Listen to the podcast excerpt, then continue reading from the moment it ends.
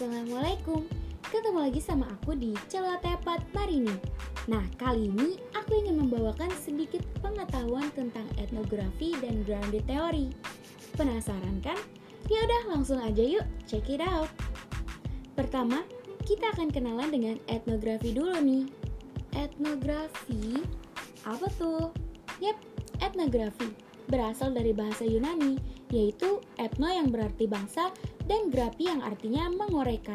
Jadi, kalau digabungin, etnografi artinya adalah suatu kegiatan penelitian untuk memahami cara masyarakat berinteraksi dan bekerja sama dalam kegiatan sehari-hari. Etnografi ini punya cerita yang penuh kontroversi loh. Dia lahir di akhir abad ke-19 dan mulai berkembang pada awal abad ke-20 Kemunculannya diawali dengan kontroversi pergeseran paradigma para ahli antropologi sosial dan budaya pada masa itu.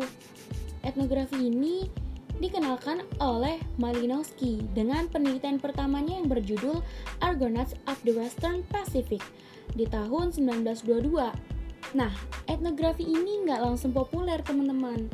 Dia baru populer di tahun 70-an sebagai suatu metode yang bergerak di bidang antropologi dan terus berkembang hingga sekarang. Menurut Creswell, karakteristik yang ada dalam penelitian etnografi di sini, pertama, menggunakan penjelasan yang detail. Kedua, bersifat cerita atau storytelling. Ketiga, menggali perilaku atau tindakan masyarakat tertentu yang diteliti. Keempat, menjelaskan kehidupan atau keseharian masyarakat yang diteliti, dan kelima, laporannya berbentuk perpaduan antara deskriptif, analisis, dan interpretatif. Menurut Sugiono, objek penelitian adalah sasaran untuk mendapatkan data dengan tujuan tertentu tentang suatu hal yang objektif, valid, dan real tentang suatu hal atau variabel tertentu. Masyarakat dengan kebudayaan yang memiliki unsur baik eksplisit maupun implisit itulah objek dari penelitian etnografi, teman-teman. Ada lagi nih, jenis-jenis etnografi. Yang pertama ada etnografi realis. Jenis ini menggunakan pendekatan yang berupa menggambarkan situasi budaya para partisipan secara objektif berdasarkan info yang didapat langsung dari para partisipan di lapangan penelitian dan dipaparkan menggunakan sudut pandang orang ketiga. Oh iya, etnografi realis ini populer banget di kalangan antropolog teman-teman. Lalu ada studi kasus.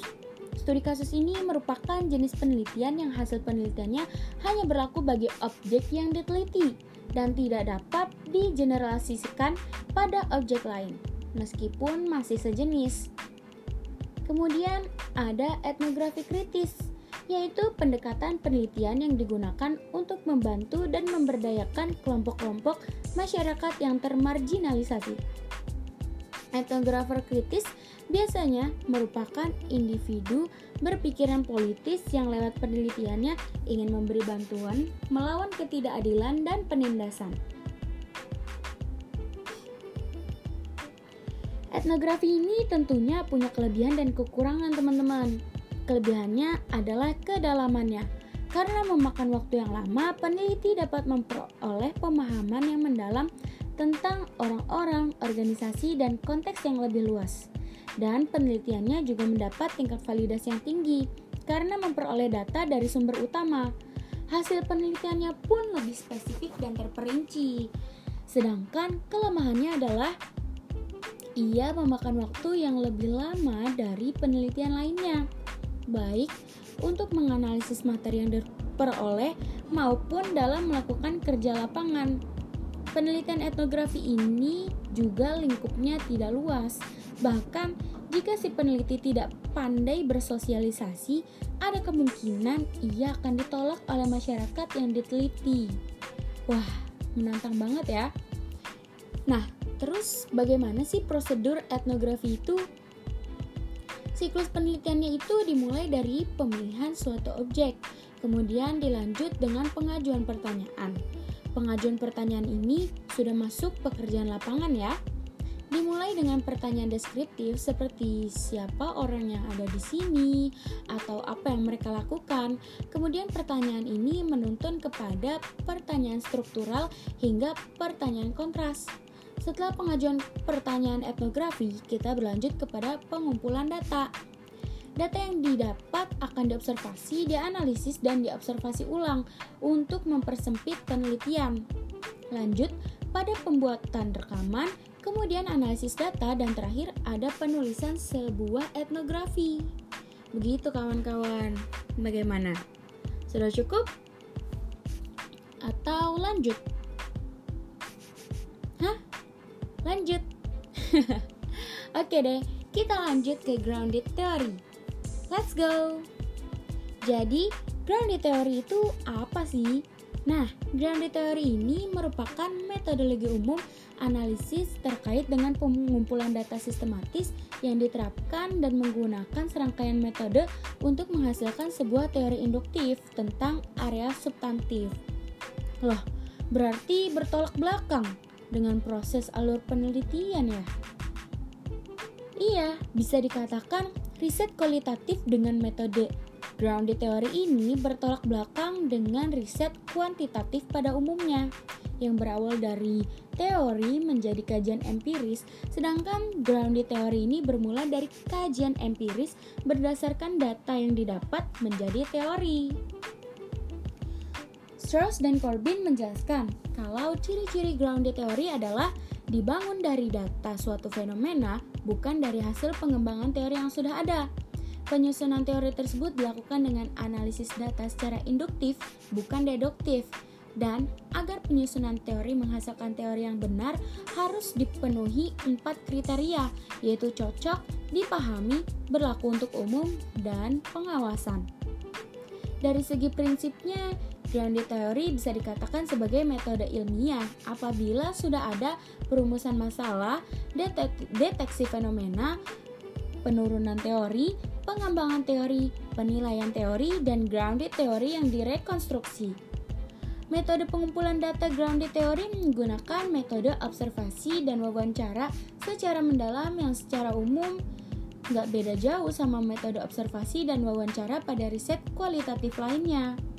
Hanya bedanya ada pada pemilihan fenomena yang dikumpulkan. Observasi yang dilakukan sebelum dan selama riset berlangsung serta wawancara mendalam dilakukan secara langsung dengan informan secara terpisah dan dilakukan dengan informan yang dianggap berkompeten dan mewakili. Lanjut kepada tahap analisis data. Tahap ini dilakukan dalam bentuk pengkodean yang merupakan proses penguraian data, pembuatan konsep, dan penyusunan kembali dengan cara yang baru. Prosedur yang dilakukan dalam tahap analisis data yang merupakan dasar dari pengkodean. Proses analisis data dalam penelitian grounded teori bersifat sistematis, teman-teman. Pertama, adanya pengkodean terbuka atau open coding. Pengkodean terbuka terdiri dari melakukan pelabelan fenomena, menemukan dan memberikan nama kategori, serta menyusun kategori berdasar pada sifat dan ukurannya. Adanya pengkodean poros atau axial coding Peneliti merakit data dalam cara baru setelah open coding. Kemudian adanya pengkodean selektif atau selective coding. Peneliti mengidentifikasi garis cerita dan menulis cerita yang mengintegrasikan kategori dalam model pengkodean poros. Kemudian, peneliti dapat mengembangkan dan menggambarkan secara visual matrik kondisional yang menjelaskan kondisi sosial, histori, dan ekonomi yang mempengaruhi fenomena utama. Nah, itu dia sedikit celoteh tentang etnografi dan grounded theory. Gimana? Semoga apa yang udah aku sampaikan bisa ditangkap dengan baik ya. Mungkin kita harus berpisah di sini. Dan sampai jumpa lagi di celoteh Patmarini. Dadah. Wassalamualaikum.